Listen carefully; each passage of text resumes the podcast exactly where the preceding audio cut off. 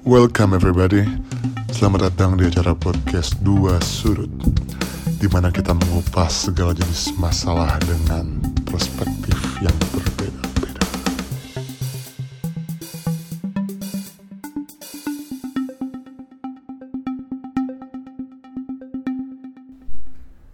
Halo guys, ketemu lagi sama kita di Dua Sudut Jadi ketiga, hari ini kita bakal ngomongin banyak hal And this is me, Michael and This is me Andy.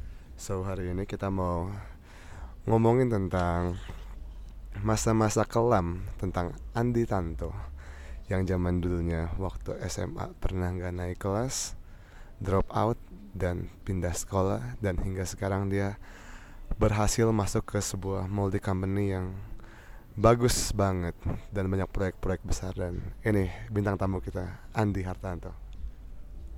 Dan what's up Andi?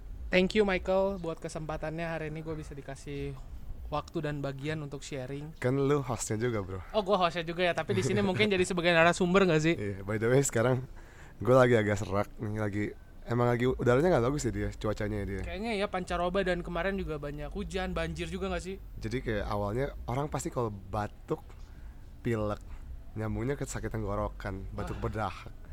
Semua olahraga juga nggak bisa di. Iya iya kayak. Iya. Yang penting lu tetap fit ya. Yoi. Ingat sehat nomor satu coy. Tapi tapi sebelum kita lakuin podcast tadi ada kata-kata bagus dari Andi sih. Gimana gimana coba? Lu dia, ulangin. dia bilang men jangan lupa film kita harus berdoa dulu oke bro nakal tuh boleh tapi Tuhan tetap nomor satu Yes, put the God first lah in Ya, everything oke. you have. ah. so sekarang Andi tuh mau cerita jadi dulu lu kenapa sih di bisa stres kayak gitu di Oke, lu interview gua ya. Oke oke oke oke. gue kayak host lu Sebenarnya alasannya simple kalau gue bisa bilang cuma dua poinnya.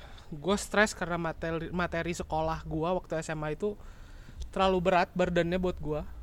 Sama yang kedua mungkin keadaan finansial keluarga. Jadi dalam mindset gue gimana caranya gue bisa bantu mereka di satu sisi gue menghadapi eh, materi-materi sekolah yang bener-bener bagi gua itu too much lah karena seperti yang udah kita bahas di podcast-podcast sebelumnya kita itu dipaksa untuk bisa mengerti berbagai materi sekolah materi pelajaran SMA sebagai contoh misalkan matematika ada biologi dan ada fisika kimia yang itu menurut gua itu salah satu challenge banget buat gua. Itu yang kayak minggu lalu udah kita bahas ya Andi ya? Benar-benar banget. Terus ceritanya itu waktu itu lu stres itu gara-gara nilai berarti Ya bisa bilang gue sebenarnya sempat nutupin hal itu. Karena bagi orang biasa mungkin bilang wah gue sekolah di sini fine fine aja kok. Kok kayaknya lu gara-gara nilai bisa stres itu. Ya mungkin balik lagi balik lagi ke karakter orang itu emang beda-beda kan sekarang. Mungkin ada orang yang bisa stres gara-gara nilai mungkin ada orang yang stres karena pergaulan Betul. kesenjangan sosial. Karena waktu SMA kan mungkin banyak kesenjangan sosial ya kalau kita tahu tapi itu back lagi ke orang-orang gimana cara dia nanggepin hal itu? Apakah orang itu bisa atau enggak? Betul sih. Jadi yang kita tangkap hari ini itu sebenarnya gue sih lebih pengen bahas bahwa ada masa lalu dan ada proses yang buat gue bisa sampai kayak sekarang ini gitu. Dan proses itu waktu gue jalanin prosesnya itu gue sempat bertanya-tanya dan nggak ngerti. Tujuannya apa sih? Kenapa gue harus begini? Gue merasa berbeda dengan teman-teman lainnya yang bisa bisa menghidupi zaman SMA itu dengan fun dengan happy. Ya sebenarnya apa pun yang lu pikirin terlalu much too much overthinking itu bisa buat hari-hari lu tuh lebih berat karena lu mikir yang banyak-banyak hal karena dari apa yang buku yang gue baca yang minggu lalu gue udah bilang kayak Think and Grow Rich itu Napoleon Hill dia bilang kayak kalau misalkan lu mikir yang buruk-buruk itu sama aja kayak lu mengutuk diri lu sendiri bahkan kalau boleh gue tambahin itu kayak lu mengutuk eh, lingkungan terdekat lu sendiri menurut gue kayak misalkan lu ngomong gue gak mau sekolah gue males gue apa gue apa. Itu bakal ngutuk diri lu untuk ke depannya di. Karena itu udah masuk ke alam bawah sadar lu sendiri. Iya sih, itu benar. menurut gua. Jadi mungkin buat teman-teman semuanya kalau misalkan kita lagi ada masalah ada apa kita harus tetap think positif. Karena yang diambil itu sama alam bawah sadar kita itu yang apa kita pikirin keras itu yang diambil sama alam bawah sadar. Karena alam bawah sadar itu nggak ngerti bener atau enggaknya di dia tuh nggak punya logika alam bawah sadar itu. Benar-benar banget. tuh nggak ngerti tentang indera. Dan mungkin untuk bisa memahami level itu di zaman SMA itu butuh effort kalau buat gua ya. Karena kalau gua cerita flashback itu sampai gua ada di titik terendah gua. Kayak the lowest point of my life ketika gue bener-bener udah nggak percaya dengan lingkungan teman-teman gue gue menganggap orang itu pasti someday akan mengecewakan lo dan akhirnya gue memilih shutdown untuk menutup diri. Sebenarnya itu ada porsinya. Jadi kayak gue pernah dengar kata-kata orang jangan pernah kasih kepercayaan ke orang itu 100% karena orang itu juga masih manusia. Manusia itu kan emang pada dasarnya itu nggak mungkin deh kayak mau mau nggak lo Fim? Mati buat gue masih belum tentu. Mau. Betul. jadi lu jangan pernah put your trust itu 100% buat orang lain bener gak sih men benar-benar itu pelajaran banget buat gue jadi ketika gue shutdown itu kurang lebih sekitar enam bulan ya. Enam bulan. lebih. Jadi ceritanya itu Andi dulu waktu sekolah itu nggak mau masuk. Ya nggak sih? Sampai dijemput ya? Sampai dijemput ya sama guru BP kita kan? Sampai dijemput sama guru BP ke rumahnya. Itu udah hebat banget sih. Itu itu. Dipaksa sekolah nggak dikeluarin dipaksa sekolah tapi Andinya mengundurkan diri bukan TO ya betul Iya jadi nggak nggak nggak sempet do tapi akhirnya milih buat cuti. Karena ada kebijakan dari sekolahnya itu ya dianggap cuti aja gitu. Jadi cuti nggak bersekolah tapi masih terdaftar di eh, sekolah tersebut. Endingnya Andi pindah sekolah and then mentalitinya udah mulai benar waktu itu dia. Ya perlahan-perlahan gue bisa ngelihat bahwa ada bermacam tipe orang itu yang tetap suportif walaupun mereka tahu latar belakang gue itu anak pindahan yang banyak orang ngomong katanya stres katanya sempet gila lah apalah gitu. Tapi mereka menerima gue dengan fine fine aja toh mereka mau kenalan mereka berinteraksi dan itu yang menjadi motivasi gue sih waktu itu. Karena menurut gue banyak orang juga itu they don't care latar belakang lu kayak gimana masa masa lalu masa lalu lu kayak gimana tapi ya yang mereka lihat as long as lu baik sama gue di gue baik sama lu. Mungkin banyak orang kayak gitu juga. Betul, dan yang mungkin sekarang kayak kita udah lama temenan bareng itu cari temen yang seperti itu tuh satu dari satu juta lah perbandingannya. Bener gak sih? susah banget. Waktu Andi dulu sakit pun kayak gue mikir mungkin ini perbedaan sudut pandang ya dia. Perbedaan sudut pandang lagi kayak misalkan di sisi Andi dia mikir kenapa sih teman-teman teman gue nggak datang ke sini? Walaupun kita udah datang tapi dia mungkin mikirnya frekuensinya harus lebih sering atau gimana tapi di sisi, sisi gue gue mikir waktu itu ya mungkin dia lagi butuh me time lah lagi butuh waktu sendiri yes kita nggak akan tahu lah orang mikir apa tapi as long as endingnya kita baik ya mungkin dia ngerti juga ya Bener, bener banget. Jadi posisi waktu itu gue bi gue bilang sama diri gue sendiri kayak mau sampai kapan sih gue menutup diri seperti ini? Apa sih efeknya? Apa sih bagusnya buat gue ke depan dan at the end ya sama kayak semua permasalahan yang kita hadepin kalau kita nggak bertindak nggak akan ada yang berubah coy. Ya. Jadi pernah sih satu hal paling lucu di. Gue itu lagi sama teman-teman gue pergi ke suatu klub di kota Bandung. And then minum lah. Kita waktu itu minum apa ya? Tequila men. Iya, Jose. Cuervo. Tiba-tiba gue ke dance floor ketemu Andi. Gue ngeliat Andi. Ingat gak sih men? Ingat ingat gue ingat posisi waktu itu. Anjir. Gue kira itu gue lagi halu, lagi nge-hike atau gimana. Ternyata emang ada Andi di sana. And dari sana kita mulai keep kontak lagi ya dia. Bener, jadi gua itu dulunya tipikal orang yang nggak semuanya terbuka open ke orang lain. Jadi ada bagian-bagian yang gua yang nggak main sama temen-temen sekolah gua. Tapi saat itu kita tahu bahwa oh ternyata kita sejenis nih sama satu frekuensi. Jadi dari situ mulai coba untuk keep kontak lagi yang akhirnya berjalan lanjut sampai sekarang. Jadi menurut gue kayak gini sih di. Mungkin aduh gue mau, mau mau ngomong apa jadi lupa lagi. Mungkin itu gara-gara waktu zaman SMA itu orang terlalu close minded ya Bener gak sih? itu yang mau gue ngomong sih. Kayak misalkan Andi pergi clubbing takutnya udah dikira gila dikira apa dikira minum dikira main cewek. Ya orang pasti ngomongnya ke mana-mana lah. Orang malah ngomong kayak ngobat lah ini anak atau gimana kan bener nggak sih? Yang nggak nggak aja. karena ya orang cuma bisa ngomong soalnya banyak banget netizen itu netizen ya Allah. netizen sih memang sih. mungkin mereka itu cuma ngomong tapi they don't know behind the story-nya kayak gimana mungkin itu yang Andi rasain kali waktu itu ya Benar, jadi guys kembali ke cerita gua Setelah gua melalui itu, gua lanjut di SMA lain Untuk tetap, eh, karena waktu itu tujuan utamanya tetap harus dapat ijazah. Walaupun dengan struggle yang sama, gue tetap harus ngulang pelajaran-pelajaran tersebut ya Tapi gua lalui dengan tekad bahwa At the end gue punya goals untuk dapat ijazah titik. No matter kayak nilainya berapapun at the end tetap harus pegang ijazah karena kita tahu sistem pendidikan kita menuntut seperti itu. Ya, exactly Anda itu bener banget. Tapi gimana sih ceritanya dari lu yang masa lalunya kayak gitu terus lu kuliah kuliah lu sering menang lomba kan sampai ke Surabaya ke Jakarta ke mana-mana sering ikut lomba Betul, gua dikasih kesempatan dipercayakan untuk eh, ikut beberapa event dan itu ada di luar kota juga. Jadi sebenarnya cukup drastis lah perubahannya yang sebenarnya satu hal simpel yang gua rasain seperti ini. Ya, jadi seperti ketika kita waktu zaman SMA itu masih banyak eh, tanggungan-tanggungan yang benar-benar ditanggung oleh orang tua.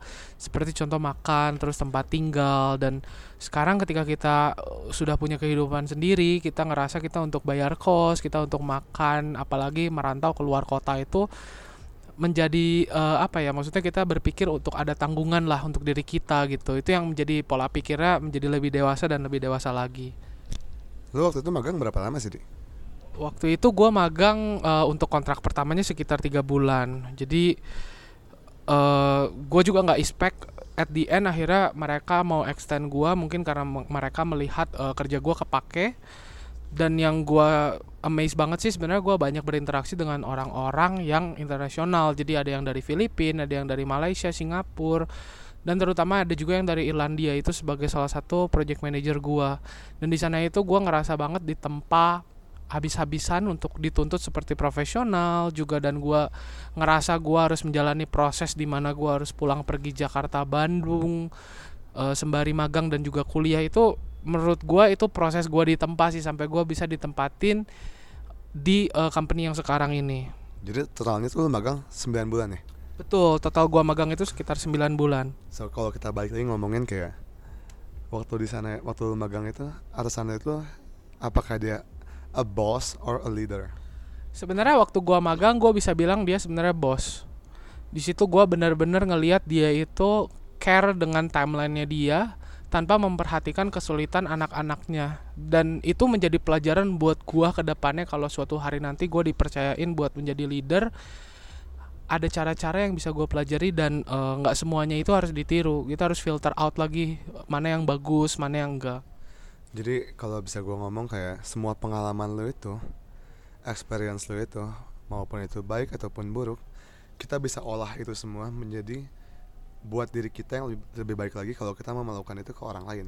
Gak sih? Benar. Jadi intinya tetap kita harus eh, mementingkan untuk berbagi dulu sih. Untuk buat orang maju itu menurut gua salah satu point out banget sebagai ciri-ciri seorang leader.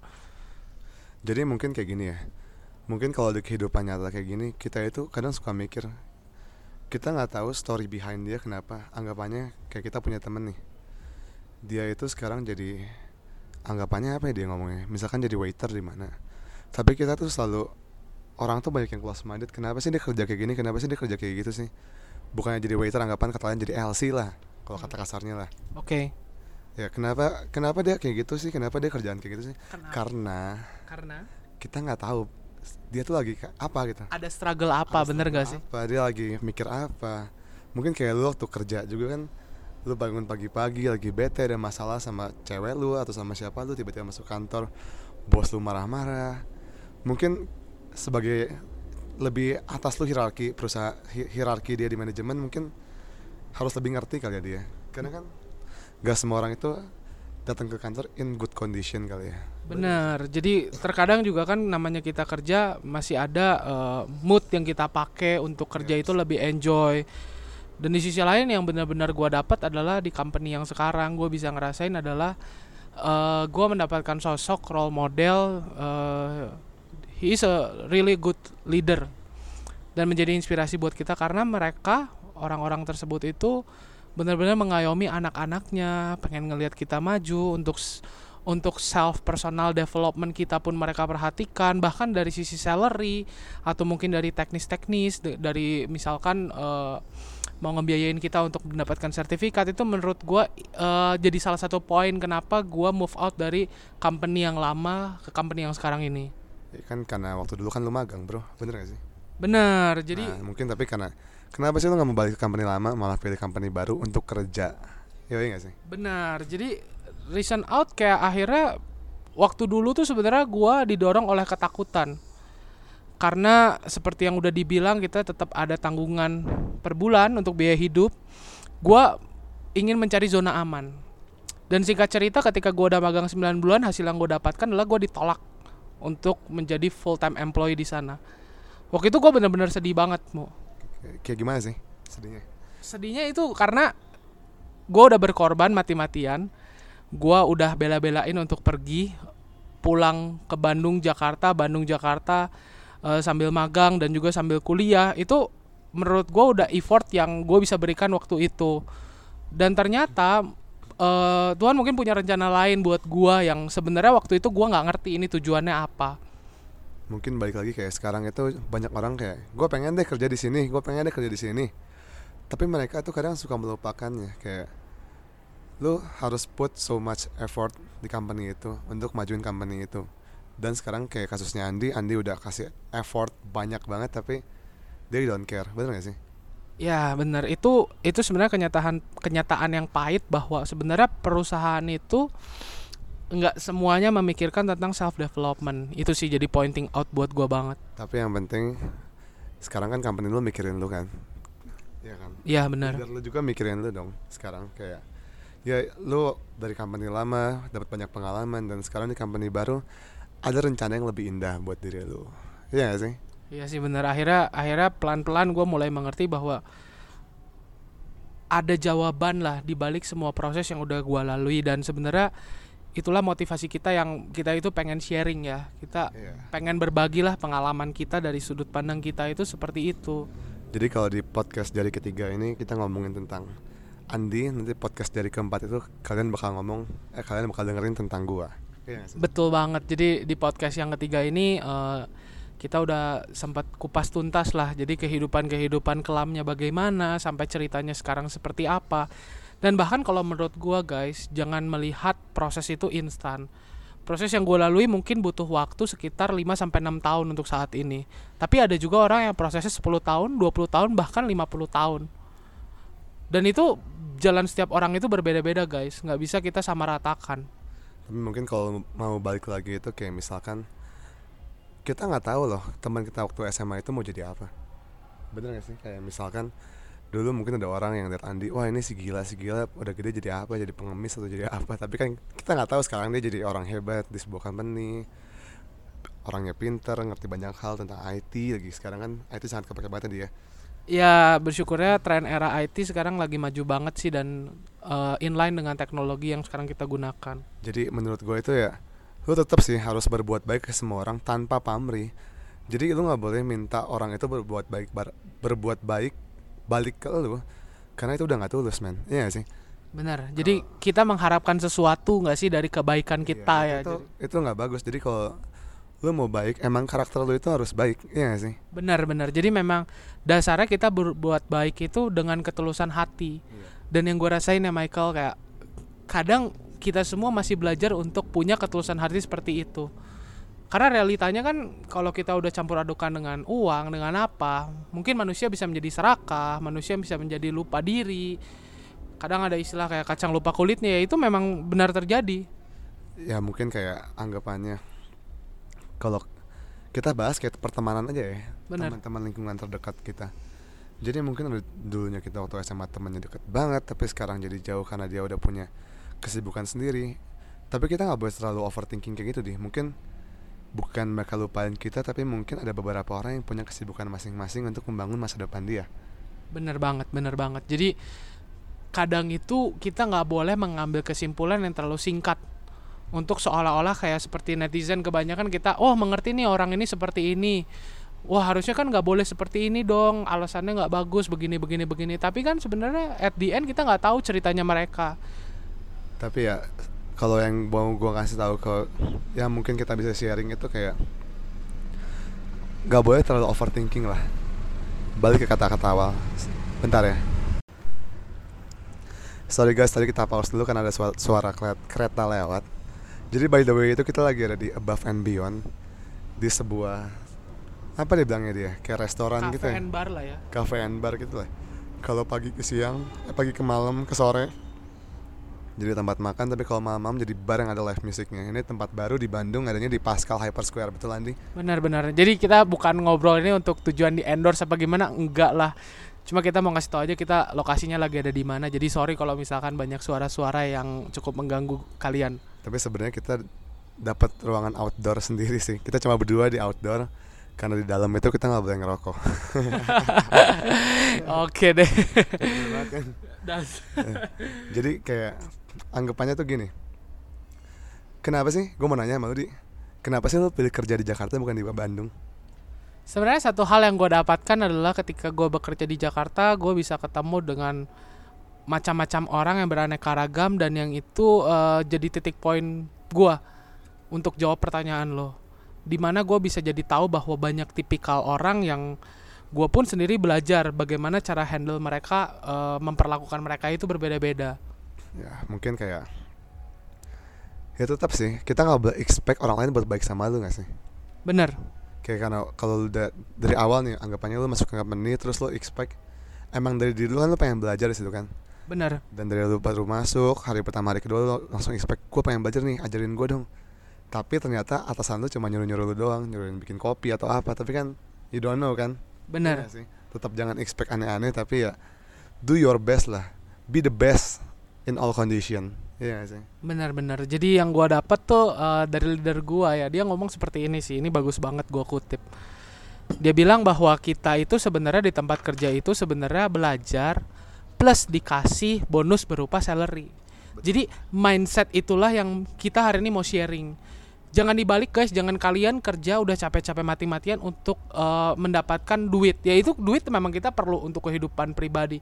Tapi anggaplah dengan positif sudut pandang yang berbeda bahwa kita bekerja itu dengan tulus dengan setia bahwa duit itu menjadi bonus.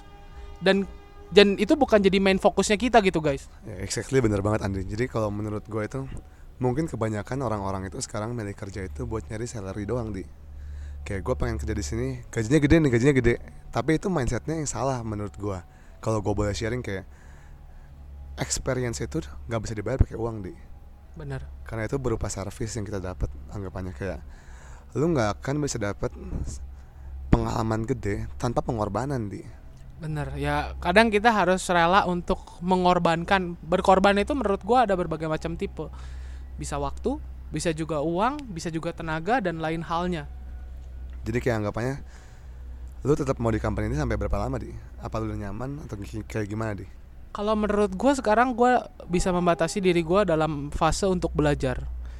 Jadi in the two or three years again kayak gue bakal uh, resolusi baru gue akan coba untuk uh, flashback uh, ke, ke diri gue yang sekarang sebenarnya apa aja sih yang udah develop apa aja sih yang udah gue pelajari dan itu mungkin jadi pertimbangan gue untuk ambil next actionnya ke depan.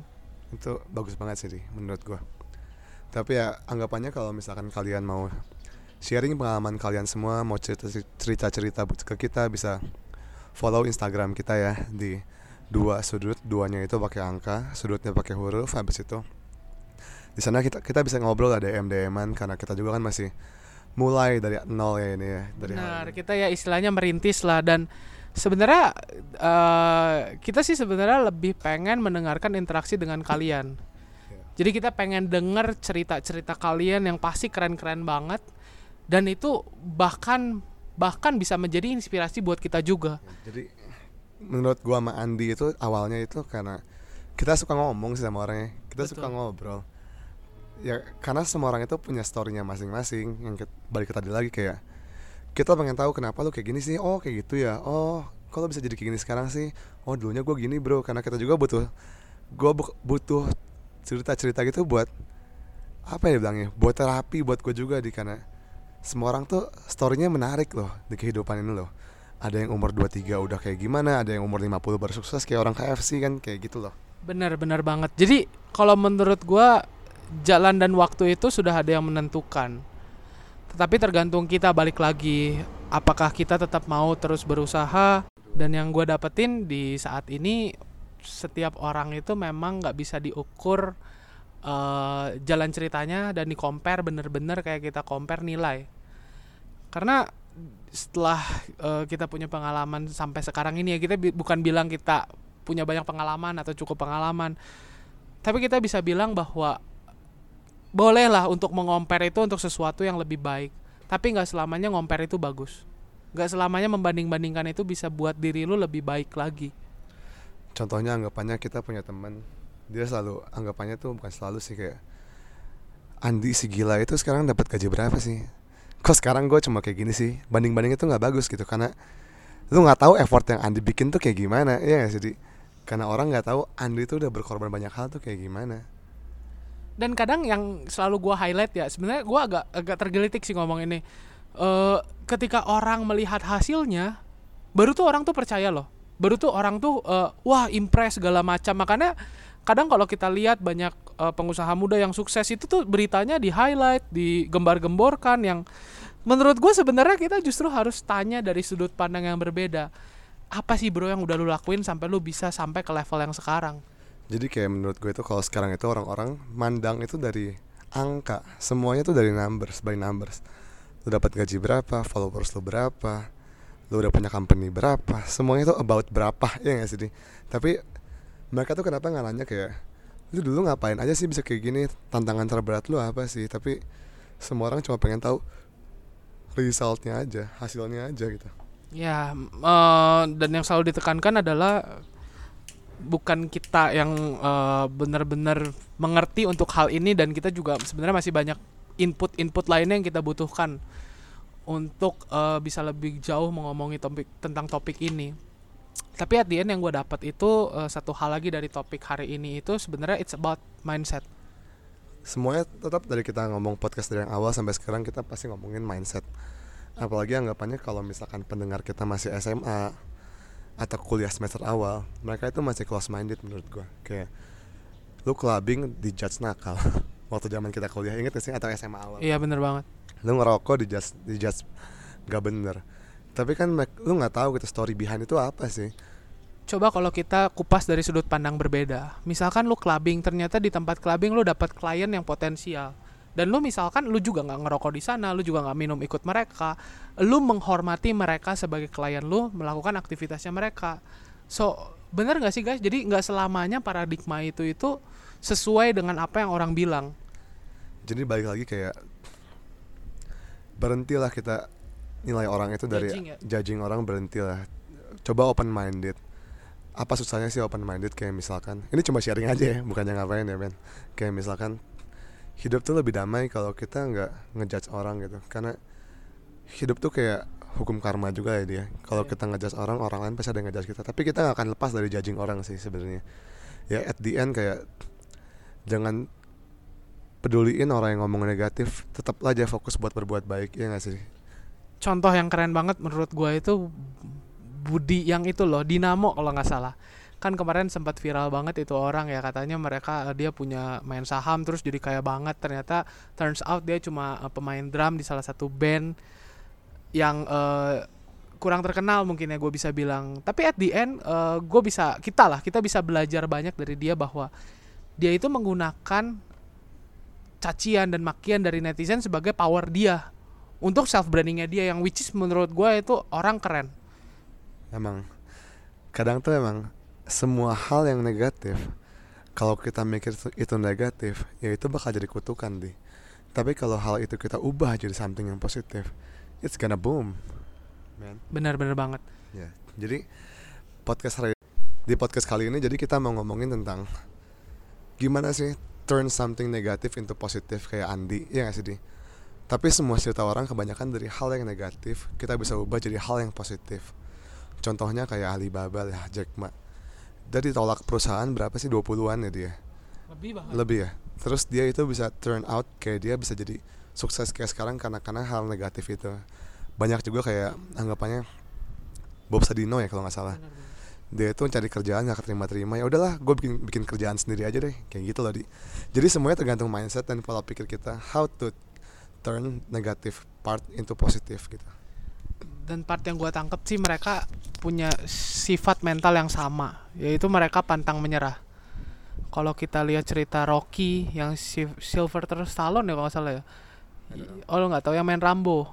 Yang ah, ya jadi dia pun dia dia dia pun sama dia pun sempat ditolak beberapa company karena uh, menurutnya skripnya nggak bagus nih atau apa segala macem. Tapi turns out dengan pantang menyerah dengan dia selalu berusaha dia memberikan yang terbaik pasti akan ada jalannya guys. Pasti. Gue percaya dan gue yakin. So yang bisa kita summary itu sekarang itu pertama mental lu harus diba- dibangun ya dia Hmm. mental tuh harus dibangun. Jadi kalau banyak hal yang masuk ke lu cacian atau apa mental lu udah kuat duluan deh yang kedua itu tetap kita harus memanusiakan manusia. Itu yang bisa kita, kita kasih tahu lagi ya kita sharingin ya. Ya yang ketiga itu berbuat baik tanpa pamrih udah itu sih menurut gue itu doang sih terus yang hari yang kali ini summary summary-nya. Jadi kalau dari gue untuk summary-nya kita tetaplah harus punya integrity. Bahwa kadang kita banyak melakukan something tetapi banyak orang yang menilai ah lu cuma ngomong doang deh. Ah lu sebenarnya nggak melakukan apa yang lu omongin. Dan itu pun bisa jadi luka bagi orang lain bener gak sih? Dan somehow yang gue tangkep dari kisah-kisah orang yang udah sukses itu pantang menyerah dan selalu berpikir positif dari semua keadaan Oke, so itu doang dari kita. Jadi kalau kalian pengen tahu seberapa gilaan di zaman dulu, dia bisa ketawa-ketawa lihat lihat apel atau apa di YouTube ada apel terbang, hahaha kayak gitu loh men. Tapi sekarang udah jadi bos apel bisa dibeli tuh berapa kontainer sama dia sekarang. bukan apa kali Apple mungkin gue terinspirasi sama Steve Jobs kali ya jadi ngomonginnya Apple ya Jadi kalau kalian pengen tahu dia dulu emang gila sih kayak gitu. Tapi gara-gara kegilaannya itu dia bisa jadi kayak sekarang men. Itulah mental dia yang sangat hebat and thank you for today. This is me, Michael and this is me Andy thank you. See you next week. see you next week guys